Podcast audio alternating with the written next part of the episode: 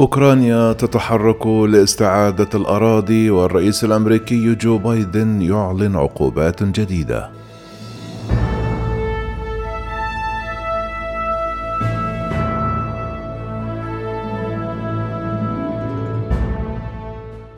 تتحرك القوات الأوكرانية لاستعادة الأراضي لصد جهود روسيا المستمرة منذ ما يقرب من شهر للسيطرة على العاصمة كييف.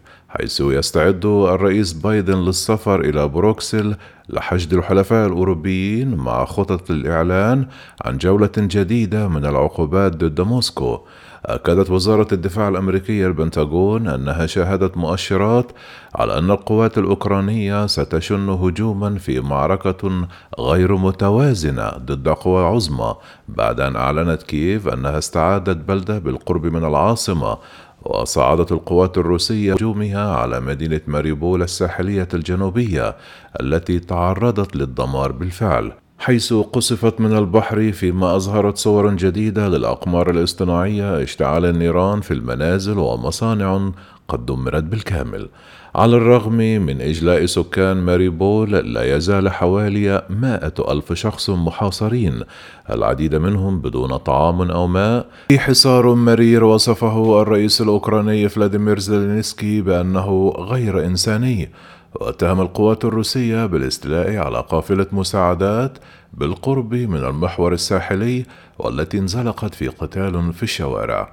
في تصريحات وصفتها واشنطن بأنها خطيرة رفض المتحدث باسم الكرملين استبعاد احتمال أن تفكر روسيا في استخدام أسلحة نووية في حال وجود تهديد وجودي لم يحدده. ومع ذلك قال البنتاغون أنه لا يرى ضرورة لذلك تغير موقفه الرادع.